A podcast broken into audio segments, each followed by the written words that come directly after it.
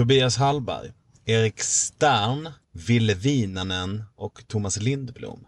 Där har du dem. Det är våra nya Patreons. Tack, eh, kära ni, för att ni vill vara Patreons och stötta våran podd. Hur många Patreons har vi nu ungefär? Det är väl, eh, vi är väl nästan uppe i tvåsiffrigt va? Ja, jag Eller tror vi... Nej, inte tresiffrigt. Men eh, om vi kommer upp i tresiffrigt så borde vi kanske lova något. Ja. Jag lovar att jag lovar någonting om vi kommer upp i tresiffrigt. Jag med.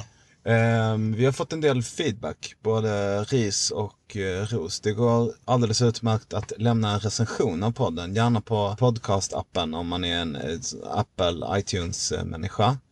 Eh, för då kan vi klättra på listan, då kommer fler människor få tips om podden och då ja, kommer fler att lyssna helt enkelt. Då blir vi glada. Ja.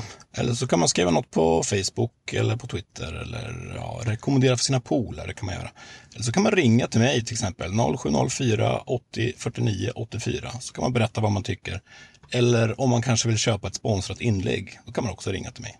Eh, Det går bra att ringa till mig också på 0708 342 736. 0708 342 736. Eh, om man vill eh, prata om innehållet i podden. Eller om segling, som jag också är väldigt intresserad av. Ah, det behöver inte ringa, då kan ni texta. Eller bara skicka bilder. Text, skicka bilder på fina båtar. Det går bra. Eh, till mig kan man skicka konst, snygga bilder som ni har gjort själva. Det vore jättekul att se. Ja. Vi ska snart rulla igång eh, avsnittet, men jag vill bara påminna om att eh, det finns en hundring till den som, eh, som faktagranskar riktigt noga. Den första som hittar ett eh, faktafel i avsnittet vi nu ska lyssna på eh, vinner 100 spänn. Yes, och är det jag som säger fel, då kommer hundringen från mig. Och säger du fel Kristoffer, då får du dega. Mm. För rätt ska vara rätt. Rätt ska vara rätt. Då kör vi dem.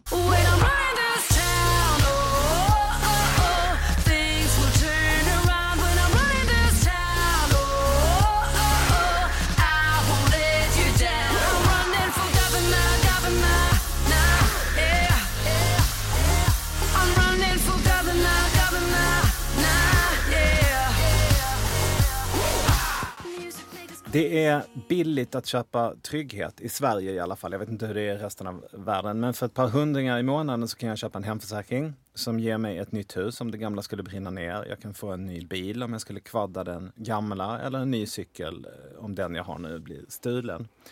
Det är ju inte alltid man läser den finstilta texten i de här försäkringsavtalen. Men den finstilta texten finns och man kan ju läsa de exakta eh, villkoren, veta exakt vilka undantag som gäller. Bara, Jaha, jag var tvungen att låsa cykeln eller nej, man fick inte ha ett 500 liters eh, akvarie liksom, hemma. Då gäller inte hemförsäkringen. Men när det gäller socialförsäkringen så tycker jag att det är lite svårare. För jag vet inte hur mycket det är jag betalar. Det dras ju av skatten liksom, men hur mycket av det där är min sjukförsäkring, det vet jag inte riktigt. Och jag vet inte riktigt vad försäkringen täcker. För om jag blir sjuk så kan jag gå till doktorn och bli sjukskriven. Men sen kan det ju mycket väl hända att Försäkringskassan talar om för mig fyra månader senare att nej, du fick inga pengar för att en socionom liksom, från högskolan i Örebro har bestämt att du är inte sjuk eh, trots allt. Och det där kontraktet tycker jag är lite otydligare. Eller är det jag som inte har fattat? Jag säger inte att, att, jag, att det är dyrt eller att jag får lite. Jag säger bara att jag tycker det är lite otydligare. Kan du hjälpa mig att reda ut det här? Jag kanske ska säga välkommen hit först. Sveriges socialminister Annika Strandhäll, välkommen hit. Tack så jättemycket. Glad att vara här. Ja, det, det kan ju tyckas eh, låta lite otydligt. Samtidigt så är det ju så att våra socialförsäkringar, det handlar ju inte bara om, om sjukförsäkringen till exempel. Där Nej. pratar vi ju barnbidrag och underhållsstöd och eh, en räcka utav allt det som, som gör Sverige till ett eh, välfärdssamhälle egentligen. Men vill man jämföra strikt mellan eh, olika sjukförsäkringssystem så är det ju en bra jämförelse att titta på USA till exempel som har världens dyraste sjukvård och där det fungerar på precis det sätt som, som du nu målar upp för mig. Nämligen att där köper du din egen försäkring eh, och kan läsa finstilt vilka villkor och vilka behandlingar, till och med vilka prover som eh, hälso och sjukvården ska ta på just dig. Och där har vi ju också ungefär 30 miljoner människor som inte har någon försäkring och därmed inte har något skydd alls i, i händelse utav Men är inte Svår USA sjukdom. ett dåligt exempel att jämföra med? För att de betalar dubbelt så mycket av andel av BNP till sjukvård och får rätt mycket mindre för pengarna. Eh, Det som är rimligt att jämföra med är väl andra europeiska länder som ju är väldigt mycket mer lika oss. Hur, hur ser det ut i andra länder jämfört med Sverige? Ja, och där tänker jag just att vi tog två ytterligheter när man ändå beskriver det på det sättet. I grund och botten så handlar det ju om ett, ett samhällskontrakt där väldigt många olika delar ingår. Där vi är överens om att alla i Sverige ska ha tillgång till en, en jämlik eh, hälso och sjukvård eh, och att det inte ska egentligen finnas eh, några gränser beroende på vem du är eller var du bor någonstans eller vilka föräldrar dina är eller vilken inkomst de har. Utan det handlar om en solidarisk finansiering där vi fördelar kostnaderna mellan varandra och i huvudsakligen att du ska få det hjälp och det stöd som du behöver. Det som jag förstår att du syftar lite mer på nu är ju sjukförsäkringen. Och icke att, att förglömma. Eh, det tycker jag ändå är intressant att du beskriver det på det sättet. För väldigt många människor Eh, uppfattar ju inte att sjukförsäkringen är en försäkring med försäkringsvillkor. Eh, jag hamnar ju väldigt ofta i den debatten att, att varför gäller inte läkarintyget? Utan varför ska det sitta någon annan och bedöma huruvida jag ska, ska få pengar eller inte från sjukförsäkringen? Och det är ju ett system vi har haft under väldigt lång tid i Sverige och som vi har varit överens om och som handlar om att läkaren gör en medicinsk bedömning. Men det som, som man gör på Försäkringskassan det är ju att bedöma utifrån försäkringsvillkoren då. Ja. Din rätt till försäkringen egentligen. Fast när man snackar runt med sina kompisar, det här är ju anekdotiskt med en gång. Ja, det blir ofta det. Ja, men det är nog ändå bara det vi kan prata om, våra känslor. Liksom. Så är det ju så här, om jag krockar bilen så tar jag det till en au- auktoriserad verkstad och så säger de, jajamän bilen är krockad och den behöver lagas för så här mycket. Det är någon verkstad som är betrodda, de har någon sorts motsvar, motsvarighet till legitimation. Liksom. Det här är en riktig verkstad med riktiga mekaniker som gör en ordentlig bedömning. Eh, och när de talar om för Folksam att ja, men bilen är krockad och det kommer kosta så här mycket att laga, ja men det, det är ganska förutsägbart. Liksom. Eller? Nej, du, du är Ja, inte är nöjd det. med Folksam, du kan få kunder. Nej, men det kan ju också bli anekdotiskt. Och jag, jag tror någonstans i, i grund och botten att det finns... eh, Jag, jag är ju för det första jag är ju socialdemokrat. Jag tror ju på, på den här principen om generella försäkringar. Men också att det ska finnas en, en trygghet. En trygghet innebär inte per definition att, att du alltid får ett okej. Samtidigt så ska man ju veta att 97 procent av alla de som ansöker om, eh, om sjukpenning får sjukpenning när man ansöker om det. Och jag tror att det är viktigt att ha den, den bilden med sig att det är inte en majoritet som inte får sjukpenning. Samtidigt så har ju jag varit den första också att säga och vara tydlig med att, att jag inte är nöjd fullt ut med det sätt som sjukförsäkringen fungerar idag. Vad är du Eh, missnöjd med då? Det jag är missnöjd med i grund och botten det är egentligen inte sättet som Försäkringskassan prövar rätten till sjukpenningen. Utan det är att jag tycker inte att stödet till individen som också är reglerat i socialförsäkringsbalken som är den lagstiftning eh, som, som reglerar de här försäkringarna. Eh, där det faktiskt är lagreglerat att också Försäkringskassan har ett ansvar för att se till att du får det stöd som du behöver och att samordna det stödet. Där tycker jag man kan bli mycket, mycket bättre. Är- socialförsäkringsbalken motsvarigheten till försäkringsbrevet som If skickar hem till mig när det är dags att förnya försäkringen på? Skulle man väl kanske kunna säga. Är det något man, är det något som alla borde läsa igenom för att samhällskontraktet liksom ska bli tydligare i det här? Nej, det ska man verkligen inte behöva läsa igenom. Utan man ska kunna känna sig trygg med i situationer där livet eh, vänder. Eh, när vi är som svagast så ska samhället vara som starkast. Och jag är väl den första att säga att våra, våra trygghetsförsäkringar eh, är en utav de delarna av välfärden som har släpat efter de senaste decennierna. Vad menar du att de har släpat efter? Ja, jag menar att Sverige under de senaste 15-20 åren har de snabbast ökande klyftorna i OECD. Och det är de eh, grupper i Sverige som har de lägsta inkomsterna som är de som har fått det tuffast. Då är det ju så att, att de trygghetsförsäkringar vi har är ju just till för eh, de situationer i livet där man av en eller annan anledning, eh, det är någonting som inträffar. Och då har man betalt in via skatten till de här trygghetsförsäkringarna. Och människor idag upplever att hålen har blivit mycket större. Och det gör man med rätta.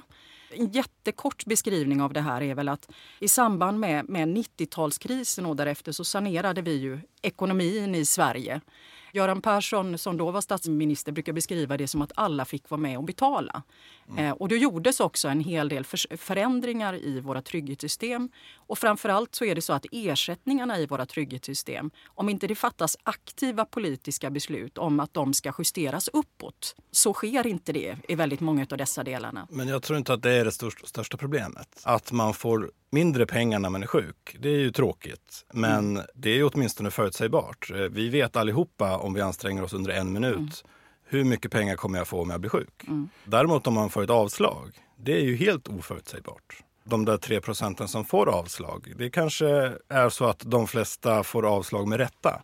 Men uppenbart är det ju så att vissa får avslag som ja, där en läkare gör bedömningen att en person inte kan jobba. Har man då in, inte ett eget sparande eller lever tillsammans med någon annan med hel, heltidsinkomst och sådär.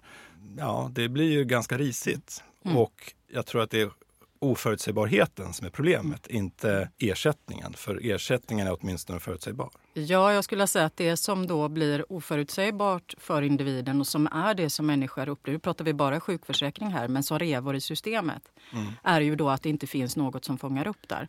Om det är så att man kommer fram till olika bedömningar, vilket ju har då skett eh, när det gäller Försäkringskassan och Arbetsförmedlingen till exempel. Vilket är helt, vi har också sagt det, det är helt oacceptabelt egentligen. Och det finns, borde, det, vi har ju till och med gett ett nolltoleransuppdrag. Men och sagt försöker att de, människor ska inte försöker trilla de knuffa kostnader i varandras budgetar eller vad handlar om? Ja, jag skulle vilja säga att man, man gör delvis eh, olika tolkningar av arbetsförmåga. Och det är någonting som är oacceptabelt. Framförallt så, så är det då oacceptabelt att myndigheterna inte klarar av att samverka på ett sätt som innebär att ingen tar emot. Och att man därmed trillar emellan de här grundläggande trygghetssystemen. Det är ju nämligen inte så att försörjningsstödet har varit avsett att ta, ta hand om människor som är sjuka eller av arbetsmarknadspolitiska skäl inte, inte arbetar om man säger så. Men så ser det i ganska hög utsträckning ut idag, i för hög utsträckning. Och det är det jag menar med att vi har rever i systemen och att också ersättningsnivåerna i systemen har släpat efter. Och det har det gjort under en, en räcka år. Det är väl en, en, ett av de områden som, som jag verkligen brinner för. Vi vill gärna utreda det här lite ordentligt men vi måste börja med att ta reda på lite vem du är. eh, Ja. Så lyssnarna hänger med. Ja. Först och främst tänkte jag ställa några snabba frågor och tänker att du svarar ganska snabbt. Är du feminist? Ja, Är du socialliberal? i viss mån.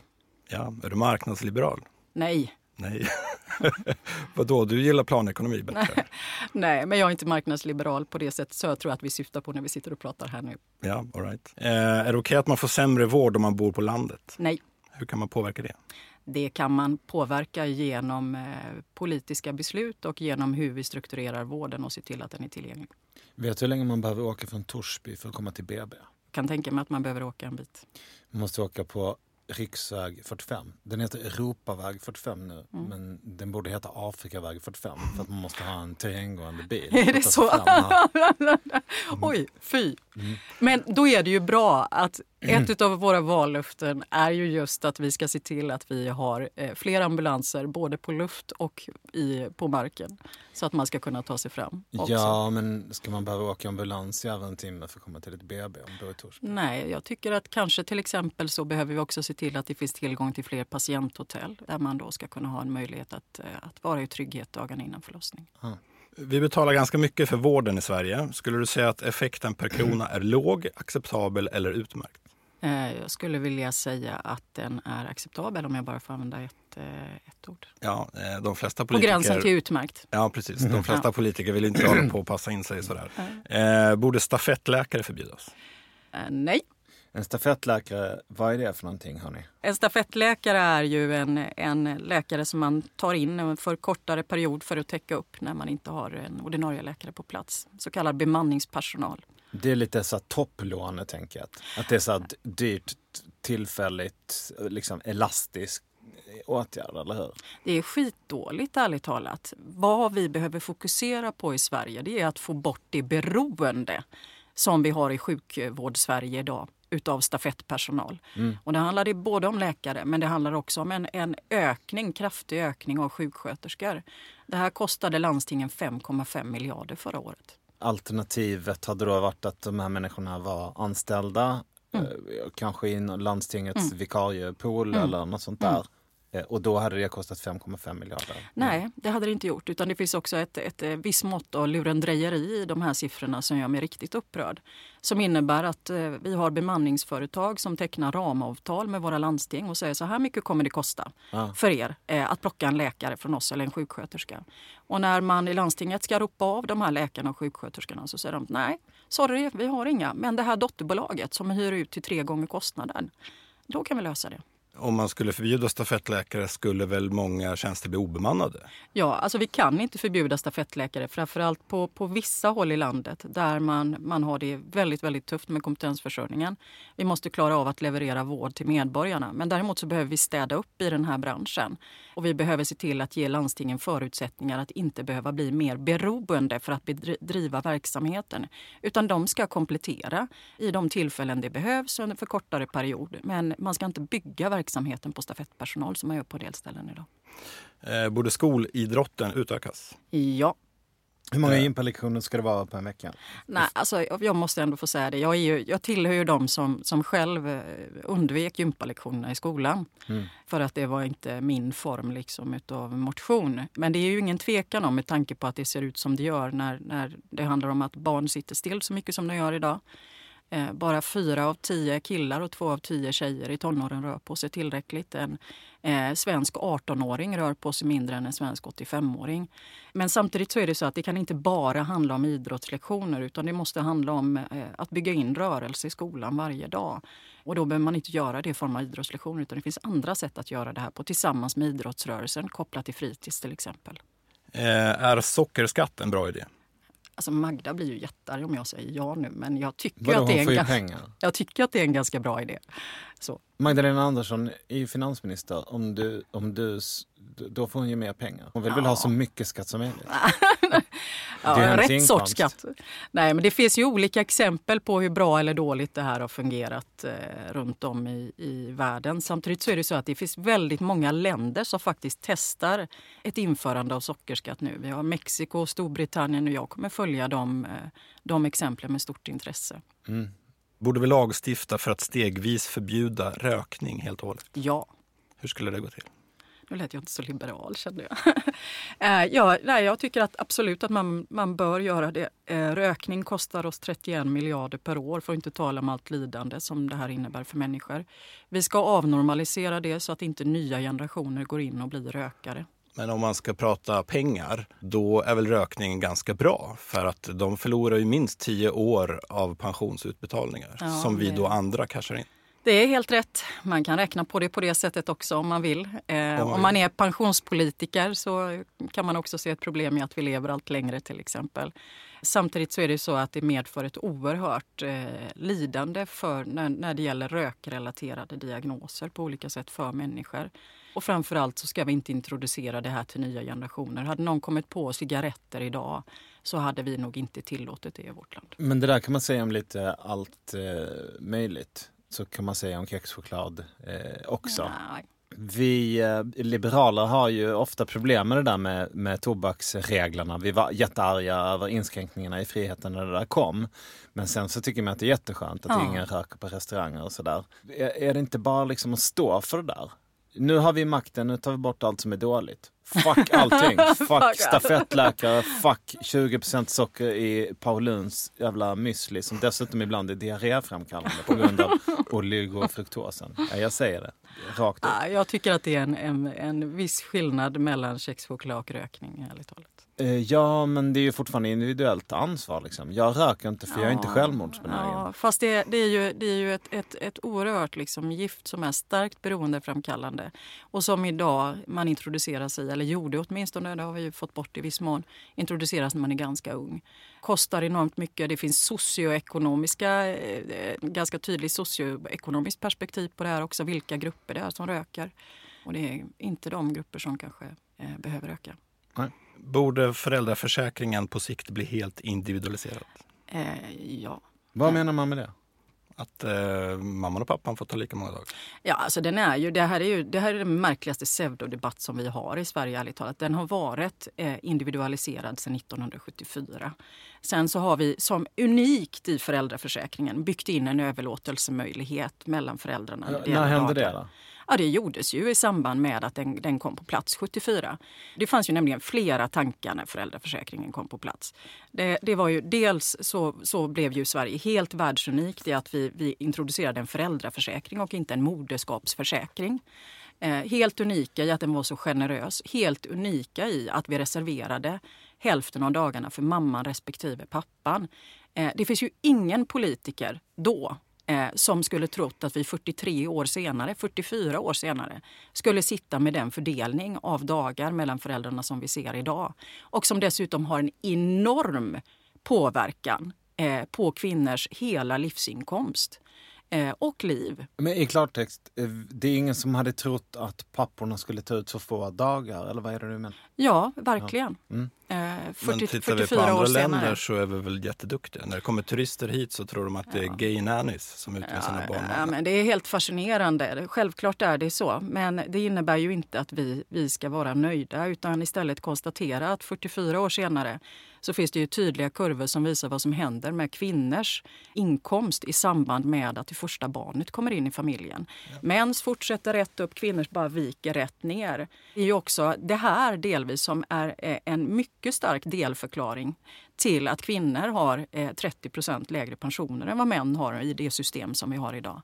När, när andra barnet kommer in i familjen så ser vi också en påverkan på kvinnors hälsa.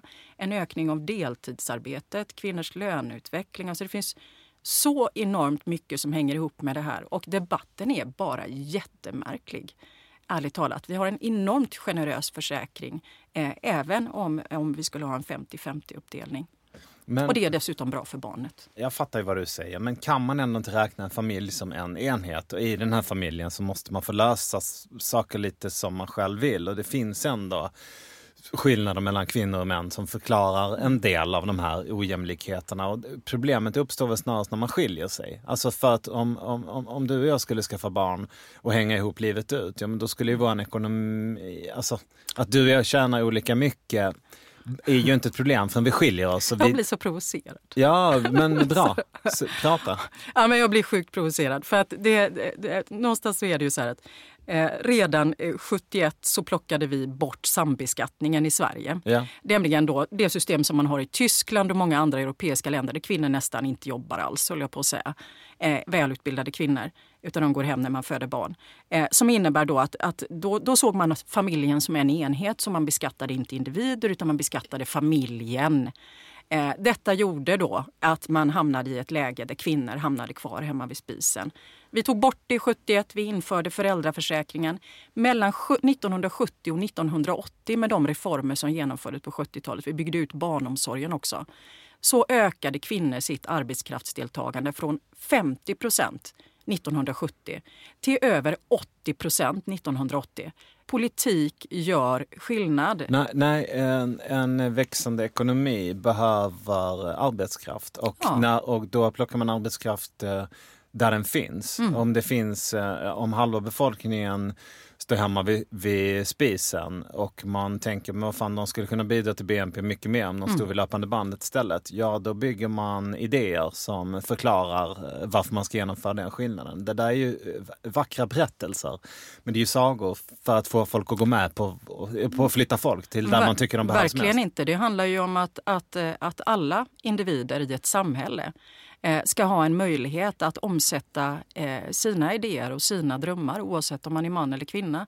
Jag kan säga att när man tittar ut över Europa idag och tittar på andra länder som Tyskland, som Österrike som vi ser som relativt framgångsrika länder så har ju de ett arbetskraftsdeltagande bland kvinnor som ligger på sjukt låga nivåer. Det är klart att det också är en grund för, för, för den tillväxt vi har sett i Sverige, för den välfärd, det välfärdsland vi är. Och att det även andra länder i Europa idag ser när man ska konkurrera med andra marknader runt om i världen.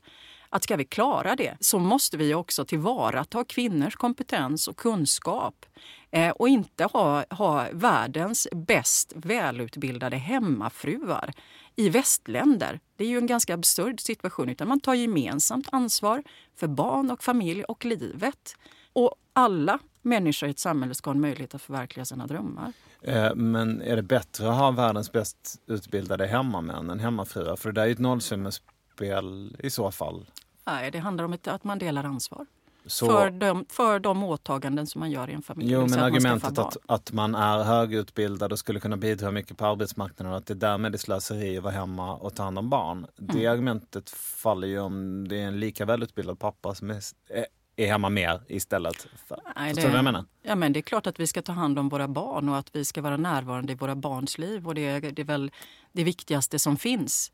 Och därför så bör ju också både män och kvinnor vilja ta aktiv del även i de små barnens liv. Då fördelar man ju både ansvar och, och risk. Eh, och dessutom behöver inte, som vi har det idag, eh, som kvinna eh, när mannen ofta lever lite kortare, går bort några år i förväg, står där med din usla pension eh, och blir en fattigpensionär i slutet av livet. Utan det, det är liksom, ja. Intressant, men vi har mycket att beta av här Ja. så vi raskar vidare. Eh, Du har redan avslöjat att du är från Göteborg eftersom du säger kexchoklad. ja, självklart. Det heter ju det också. Ja, det, det där ska vi inte ödsla tid åt. Men eh, Bergsjön, Ja, närmare bestämt. Det är den där Eh, bruna spårvagnen, va? sjuan. ja sjuans spårvagn. Den har jag suttit på många gånger. Ja, men jag hoppas att det har slutat med det, för det där är ju en no-go-zon. och Man dör ju med en gång om man åker ut dit. Det säger, din, det säger dina partikamrater i alla fall. Det, jag hoppas inte mina partikamrater i någon utsträckning säger det. Men däremot så vet jag att det finns många politiker som säger det idag. Vilket är ju helt häpnadsväckande. Ja. Eh, så. En, en bild av hur Sverige ser ut som, eh, Som är fel, va? som är fel. När var du i Bergsjön senast? Typ för en och en halv vecka sedan. Och du blev inte knivhotad? Nej, jag, satt och åt lunch inne på Rymdtorget. eh, Så att eh, jag blev inte knivhotad. Jag klarade mig gott. Eh, Vilket fotbollslag är det som gäller om man är från Bergsjön? Eh, Alltså, antingen så lider man med guys eller också så är man populist och håller på IFK. Jag, jag håller, på IFK. Det är min fördom om socialdemokrater, att det är medgångssupportrar ja, allihopa. fasiken Att det man också. kollar vilka som har Aj, chanser.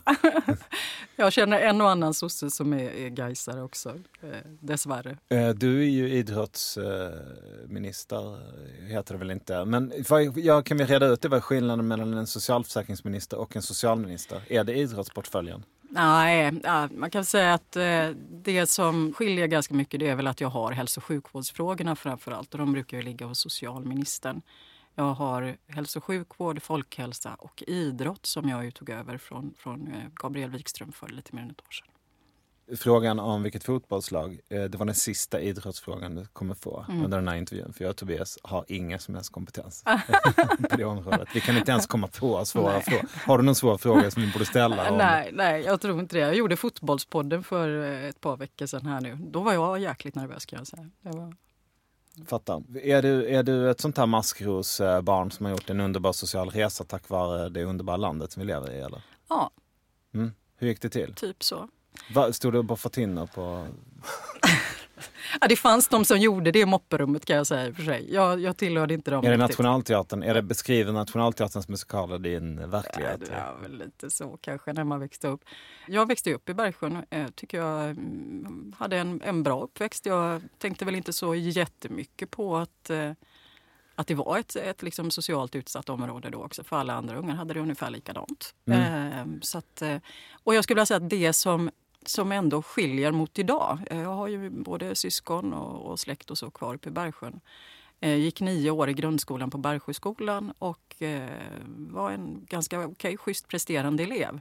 Och när jag började på gymnasiet, började in i stan då och träffade tjejer och killar från andra områden, var att jag hade inget kunskapsunderskott när jag väl började på gymnasiet.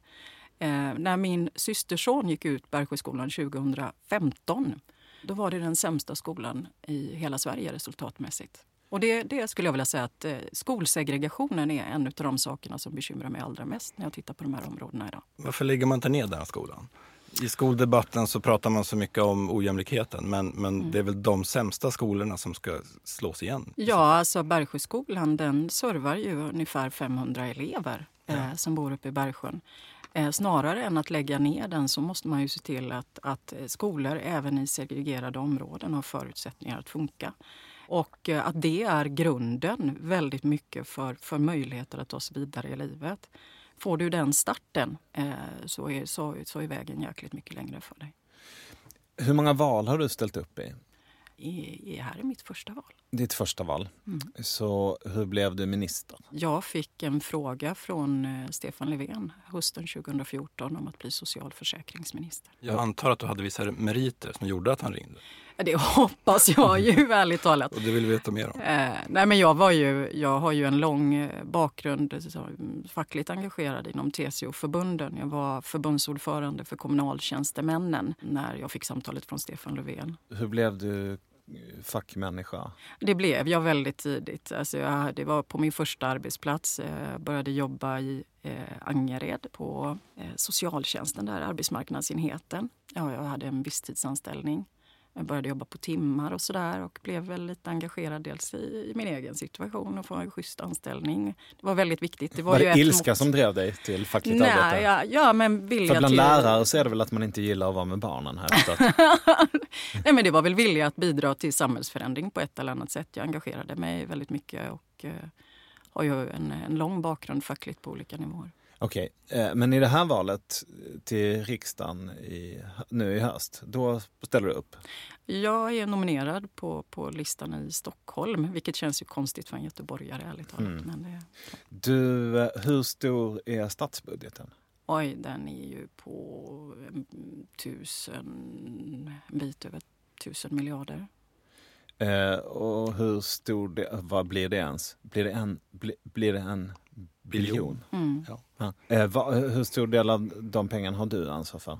Ja, det är ju väldigt mycket. Det är nog en, eh, någonstans en 600-700 miljarder. Man kanske. brukar veta ganska precis hur stor ens Ja. budget är va? Mm, ungefär så. Ja. Där någonstans ligger det. Eh, Men om de pengarna inte räcker, om jag bara liksom försöker, jag vet att det här är att banalisera ner det till Mm. apnivå. Mm. Men om jag bara tänker en egen budget för Mm. något litet projekt Mm. eller för min hushållsekonomi eller sådär. Mm. Eh, så kan, de, de pengarna går ju liksom inte att utöka. Man tar ju inte, man tar ju inte ett Finax telefonlån utan då måste man ju skruva på någonting. Men Mm. Ja. samtidigt så det du har hand om är ju också liksom en rättighetskatalog. Andra människor i Sverige har rätt till Mm. Ja. det här och det här. Alla Ja. människor har rätt till att det kommer en ambulans. Jag, jag kan ta mig själv som exempel. Mm. Jag dök eh, på en sten ute i Mm. Stockholms skärgård. Det tog en kvart så kom det en ambulanshelikopter och skjutsade mig till Sankt Göran. Eh, Det är svårt att räkna ut hur många idiotiska 16-åringar Ja. som ska dyka där det är grunt eh, och inte kolla på skyltarna eh, på ett år. Liksom, hur skruvar du på den där budgeten? Om pengarna inte räcker, vad kan du, får du mer pengar då? Eller, eller måste du bara bestämma liksom likt en handläggare på Försäkringskassan att nej det där är inte egentligen en dykolycka så, så vi skickar inte en helikopter den här gången för pengarna är slut. Nej, men det är ju inte alls riktigt på, på, på den nivån. Utan vi gör ju så varje, eh, varje år, varje höst, att vi värderar hur ser det ut på de olika myndigheterna. Eh, Var har vi kostnadsökningar någonstans? Var har vi kostnadsminskningar någonstans? Vad behöver vi framför allt och vad vill vi göra? Vilka reformer vill vi genomföra? Sen så är det ju budgetförhandlingar där man äskar via Finansdepartementet och Men gå, Värdera. sitter du med Magdalena Andersson och förklarar att det är jättemånga människor som har ont i ryggen i Norrlands inland i år och jag måste ha mer pengar? Typ så. Ja. Det är på den, skulle jag säga, nästan på den nivån. Ja. Eh, Fast det är ju mellan departementen. Men i slutändan så ja, vi, vi sitter konkret i regeringen och lyfter upp de viktigaste reformerna som vi vill genomföra och diskuterar det. Sjukförsäkringarna kostar knappt 50 miljarder per år, Mm. eller hur? Om du då ber om eh, lite extra pengar för att eh, många är sjuka och Magdalena säger nej, då får du skit för det här sen. Är inte det lite osnyggt? Nej, man kan väl säga så att, eh, att det är klart att eh, sjukförsäkringen är ju en av de delarna. Eh, ökar sjuktalen så ökar kostnaderna. Det, det är ju, liksom, det är ju som ett självspelande piano. Eh, jag vet eh, första hösten när vi kom in där, då hade ju sjuktalen ökat med nästan 70 procent mellan 2010 och 2014. Eh, och det var ju enorm, mång, i mångmiljardklassen kostnadsökningar eh, på Varför var det så? sjukförsäkringen. Ja, men det blir ju, jag vet att ni inte gillar liksom att prata partipolitik på det sättet, men låt oss försö- försöka... Liksom Var det borgarnas fel eller? Nej, men låt oss försöka säga det lite mer då tekniskt. Eh, så kan man väl säga så här att 2009-2010 när man införde den bortre tidsgränsen i sjukförsäkringen. När den slog till så pressades, eh, i och med att, att de människor som då hade varit inne i sjukförsäkringen en viss tid, många av dem kom ju tillbaka sen. Eh, så landade vi på ett sjukpenningtal på 6,0. Det är ju dopat lågt. Liksom. Och sen så började det studsa upp därifrån. Och för att också lite grann klara samhällsdebatten tror jag så började man styra Försäkringskassan på förtroende eh, snarare än på att man skulle pröva rättssäkerheten i försäkringen. Det som då skedde det var att prövningen av arbetsförmågan i försäkringen sjönk till under 50 procent av de som blev sjukskrivna. 100 000 utförsäkrades under samma period. Ja, sjukförsäkringen är svåra frågor eh, på många olika sätt. Och du säger sex sjukdagar. Eh, för den som lyssnar så handlar det om sex dagar på ett helt år. Ja, det handlar ju, det är ju egentligen ett, ett, inte ett individmått utan det är ju liksom man mäter generellt. Ja. Hur ser det ut för alla de som är sjukskrivna? Var Och hur ser det ut just nu? 10,7 tror jag ungefär. Och du har ett mål på att vi ska komma ner till nio. Mm. På samhällsnivå Ja. I snitt eller? Är Ja, i snitt, men det är ju i snitt. Ja. Ja. Vad har du för verktyg då för att få oss friskare? Ja, jag, jag skulle vilja säga att jag har många verktyg. Framförallt med den portföljen som jag sitter med nu. Eh, dels så handlar det ju om Ska att... du tvinga oss att gå på gympan? Ja, det är ju bra. Vi var det här med sockerskatt igen. Nu är vi tillbaka där. Ja. Eh, nej, men jag har jättemånga verktyg. Jag har ju verktyg som både innebär att skjuta till medel till hälso och sjukvården eh, för att tillhandahålla rehabiliteringsinsatser, vilket vi har gjort. Eh, vi har infört en ny yrkesgrupp inom hälso och sjukvården som heter rehabiliteringskoordinatorer som stöttar upp människor. Eh, vi har skjutit till extra pengar till primärvården för att de ska kunna liksom rigga för att finnas där när sjuktalen ökar på det här sättet. Eh, Vi har också eh, överenskommelser med både fack och arbetsgivare om att jobba mer förebyggande ute på arbetsplatserna som vi slöt 2016. Eh, Vi inför en ny lagstiftning från och med 1 juni som säger att arbetsgivaren ska upprätta en rehabplan eh, under den första månaden om det riskerar att bli en lång sjukskrivning. Det är det att Så att jag... Det finns massa saker man kan göra och gör. Ja, men minst en miljon personer jobbar ju i enmansföretag. Mm.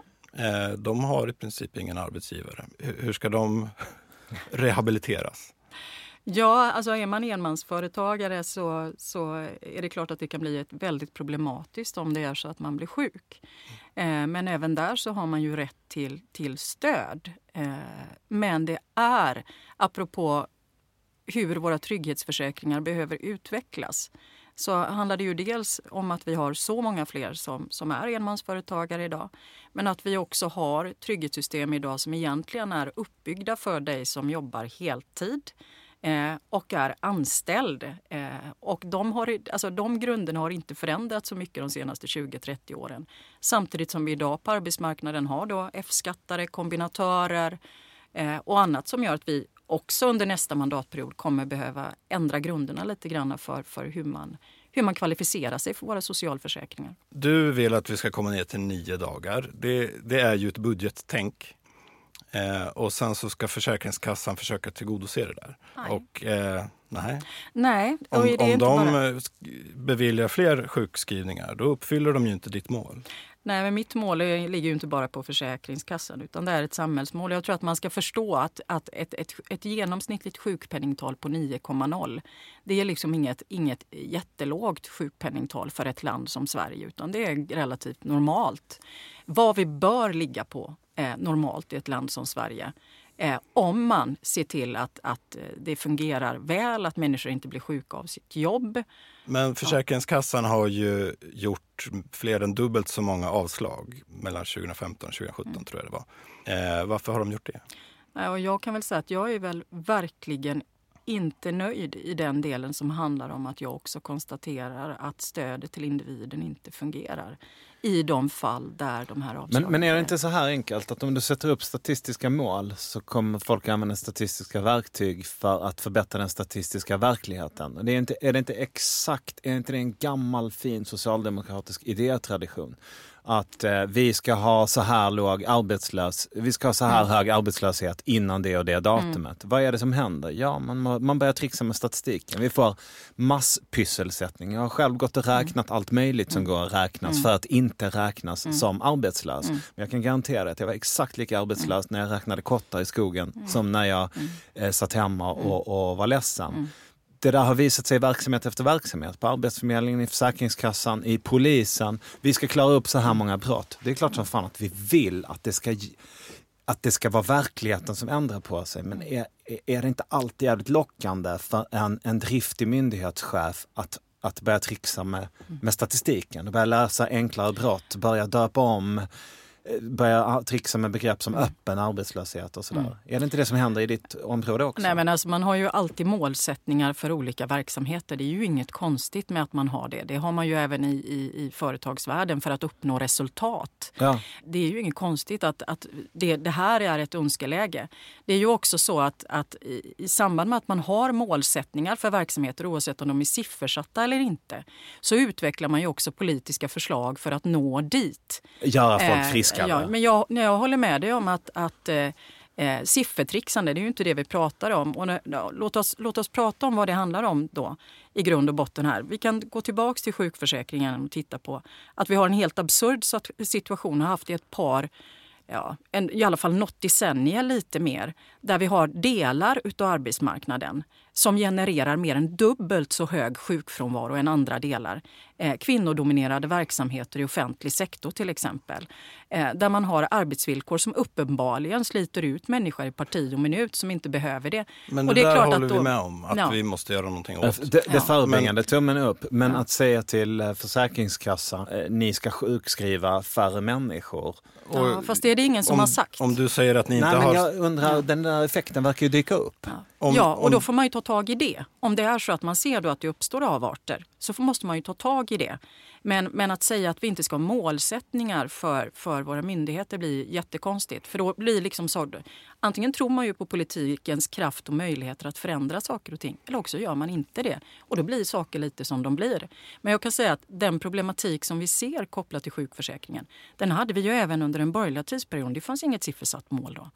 Eh, och det var Eh, en eh, betydligt värre situation där dessutom sjuktalen ökade samtidigt. Ja, den borgerliga majoriteten genomförde med glädje en väldig massa pysselsättningsprojekt Ja. också. Men du svarade inte riktigt på frågan. Mm. Varför tror du att försäk för- Försäkringskassan mer än dubblade antalet avslag på två år? Om Ja. det inte är en order för dig, från dig. För du säger att du inte har gett sådana order. Nej, jag har inte gett sådana order. Utan vi har satt upp en, en, en målsättning för Försäkringskassan. Eh, att vi ska ha ordning och reda i sjukförsäkringen. Att människor ska få stöd och hjälp att komma tillbaka till jobbet igen. Vi har vidtagit över 50 olika åtgärder riktat några till Försäkringskassan men också till hälso och sjukvård, till arbetsmarknadens parter, eh, till Arbetsförmedlingen under de här åren. Men varför har avslagen dubblats? Mer än dubblats? Ja, alltså någonstans så får ju Försäkringskassan svara på. Det är ju de som bestämmer hur man ska tillämpa lagstiftning och domar till exempel.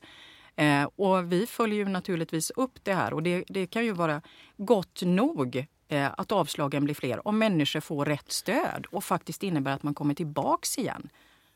Alltså att ha ambitioner för Mm. de stora systemen att de ska funka bättre i framtiden. Det är ju bra. Mm. Men det där tar ju lång tid att förändra. Den som får avslag idag, som ändå inte har arbetskapacitet, förställs i en situation som är ganska ja, vedervärdig. Mm. Eh, på systemnivå så, ja, det är möjligt att du gör rätt saker. Men själva poängen med hela socialdemokratin är ju att vi ska ha ett, trygghet, Mm. Tryggt en, system, ett absolut. trygghetssystem som Ja. vi kan lita på. Ja. Men det finns människor som inte gör det.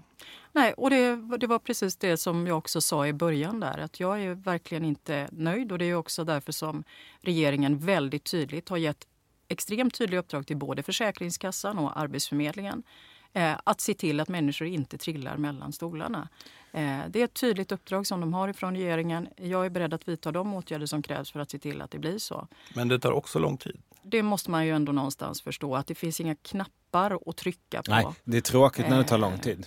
Vi vill Ja, att det ska det gå är tråkigt fortare. när det tar lång tid. Ja, Ja. men så kan man alltid... Det står jag för. Ja. Jag Det säger det rakt ut. Det är okej att det tar lång tid, men det är inte okej att människor som har jobbat hårt tiotals år i sina liv och plötsligt inte har sjukersättning Nej. trots att man har betalt för den här sjukersättningen Nej. under hela sitt arbetsliv. Nej, och det håller jag med dig om. Vi brukar avsluta de här eh, intervjuerna med att vi berättar om varsitt politiskt förslag Mm. som vi eh, ja, kan skicka med dig och du får gärna komma med ett eget politiskt förslag även om du har kommit med några. Eh, vill du börja Kristoffer? Jo men eh, okej, det här är inte färdigt och jag, jag är inte på valbar plats någonstans. Så att jag behöver, det behöver inte vara så genomtänkt som ditt skulle behöva vara. Men jag tänker, du är idrottsminister. Kan man säga det att du är Ja, idrottsminister? absolut. Ja, för man kan vara olika ministrar på en och samma gång. Ja, Ja. skumt. Så här tänker jag, du är idrottsminister eh, och du är socialdemokrat och du är feminist. Eh, mitt förslag är att eh, det blir fullständig jämlikhet eh, i ishallarna. Att det övas på tjejgrejer och killgrejer. Jag föreslår att man tar bort eh, prefixet dam framför fotboll. Jag föreslår att vi har lika lön för lika arbete även inom fotbollsverksamheten till exempel. Eh, Det här är pengar som du sitter på. Du- Liksom, det blir inga pengar till Riksidrottsförbundet om de inte kommer med en, låt säga en tvåårig plan på att uppnå full jämställdhet. Här, här har ju du liksom makten, eller ni, den här makten på riktigt. Eh, Jag föreslår att du går tillbaka till jobbet och, och genomför jämlikhet, eh, på, alltså, eller ja, jämställdhet, utifrån jämställdhetsperspektivet liksom, mellan kvinnor och män. Eh, nu, med en gång. Nu är det där igen. Du får två år på dig. Jag har fått svar på mig. Sen Ja. kommer vi med en tårta. Mm, perfekt. Ja men jag har svårt att fatta det där. Om man har makten så har man väl makten. Gör för fan! Fast den makten har vi ju inte över Riksidrottsförbundet utan det är, Men de får ju de, är, pengar jävla pengar. de är ju fristående. Men däremot så, så är det så att vi för ju eh, väldigt tydligt de samtalen med dem om att vi vill se detta. Jag vet också att man jobbar väldigt hårt på det. Om ett par veckor nu så, så kommer en, en rapport som regeringen har beställt som just har granskat jämställdheten inom idrotten. Och man har också beslutat från Riksidrottsförbundets sida nu att ha fullständig kvotering eh, i sina olika eh, organ, vilket jag tycker är bra. Eh, och ganska höga ambitioner för en ökad jämställdhet. Sen när det gäller dam och fotboll, ja, borde genomföras. Hade jag kunnat bestämma det så hade jag bestämt det. Men, men känner du att du är liksom i utkanten av ditt mandat och boxas? Nej, man kan säga så här att det är en väldigt speciell relation till inom just idrottsområdet. Man styr inte på samma sätt där utan vi har det vi kallar för implicita kontraktet och har haft väldigt länge där vi har, det bygger på dialog med idrottsrörelsen, på att värna deras självständighet, eh, värna den, den kraft som finns bland frivilliga där. Jag tror också jättemycket på det om jag ska vara riktigt ärlig. Jag tror att det är viktigt att ha den respekten för idrottsrörelsen som fristående också. Eh, Ja, att om de vill fortsätta leva kvar i 1800-talet och eh, leva enligt värderingar som, som inte ni, liksom, som har majoriteten, eh, s- går med på så ska de få hålla, fortsätta med det. Nej, de, vi måste naturligtvis se resultat och att det går framåt. Och min bedömning är också att man jobbar hårt med detta från Riksidrottsförbundets sida. Och det måste jag vara ärlig och säga. Att man ser detta som en prioriterad fråga och också moderniserar sina sätt att arbeta. Ja. Eh, ja, mitt politiska förslag det är att sjukpenningen borde motsvara socialbidragsnivå. Och det låter ju hårt såklart, men det här måste ju införas eh, med lite perspektiv. Eh, Under fruktansvärt lång tid som det heter. ja, eh, fem år kanske. Eh, och det är ju ganska lite pengar. Ja. Men vi har ju alla möjligheter att teckna en ytterligare försäkring som då är helt marknadsmässig. Eh, det skulle komma med två fördelar. För första så skulle du inte behöva tjata till dig så mycket pengar från Magdalena Andersson. Och för det andra så skulle ni inte behöva ge massa avslag till folk utan ni skulle kunna lita på läkares bedömning och inte ha massa anställda folk som ytterligare utreder Ja, en bedömning borde räcka och du sparar pengar samtidigt. Och när vi tecknar egna sjukförsäkringar dessutom, då får vi ett långt papper med finstilt där det står tydligt vad vi har rätt till. Och då blir sjukförsäkringen mer förutsägbar.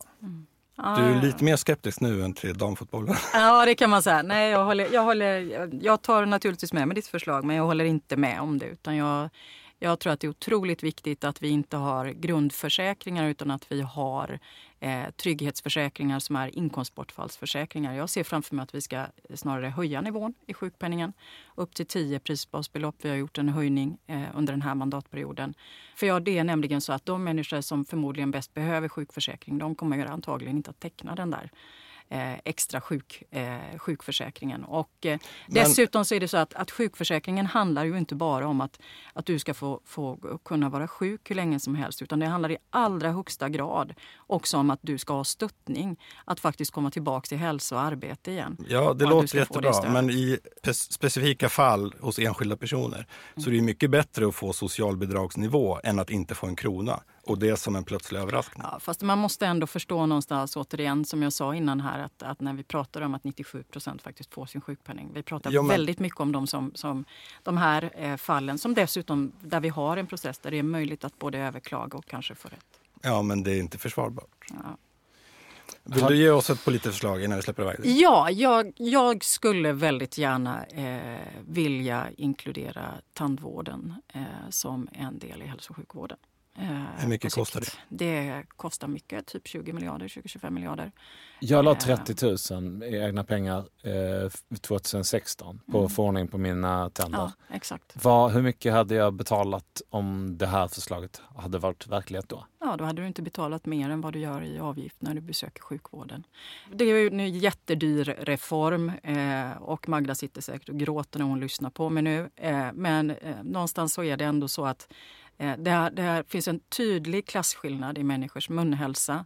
Eh, vi ser inte minst bland pensionärer att när man går i pension så avbokar man sina tider hos tandläkaren. Eh, vi har ett system idag som är fullständigt oförutsägbart för den ena, enskilde. Där du på ena hörnet betalar så mycket för en lagning och borta på andra hörnet kan du få betala dubbelt så mycket och det finns ingen transparens. Eh, och det är ologiskt för människor för, för tänderna är inte bara tänder utan det är en del av hela din hälsa. Men är det inte bättre då att man har en möjlighet för de som inte har råd att betala att få ett stöd? Medan eh, du och jag och Kristoffer faktiskt får betala själva, för det kan vi. Ja, fast det där kommer bli väldigt krångligt och återigen någonstans så tror jag att, eh, att alla skulle tjäna på att det, vi har en, en generell tandvårdsreform där, där också tänderna inkluderas som en del av den allmänna hälsan. Förutsättningarna under livet kan också förändras. Eh, du refererar till Magdalena Andersson som Magda. Eh, Mm. Vad kallar hon dig för? Annika oftast tror jag. Det är inte Ankan? som inte. Ankan. nu Okej. kanske du gav någon en idé. Fint. Nej, det var inte meningen, men hände det så hände det. Annika Strandhäll, tack så hemskt mycket för din tid. Ja, tack så mycket.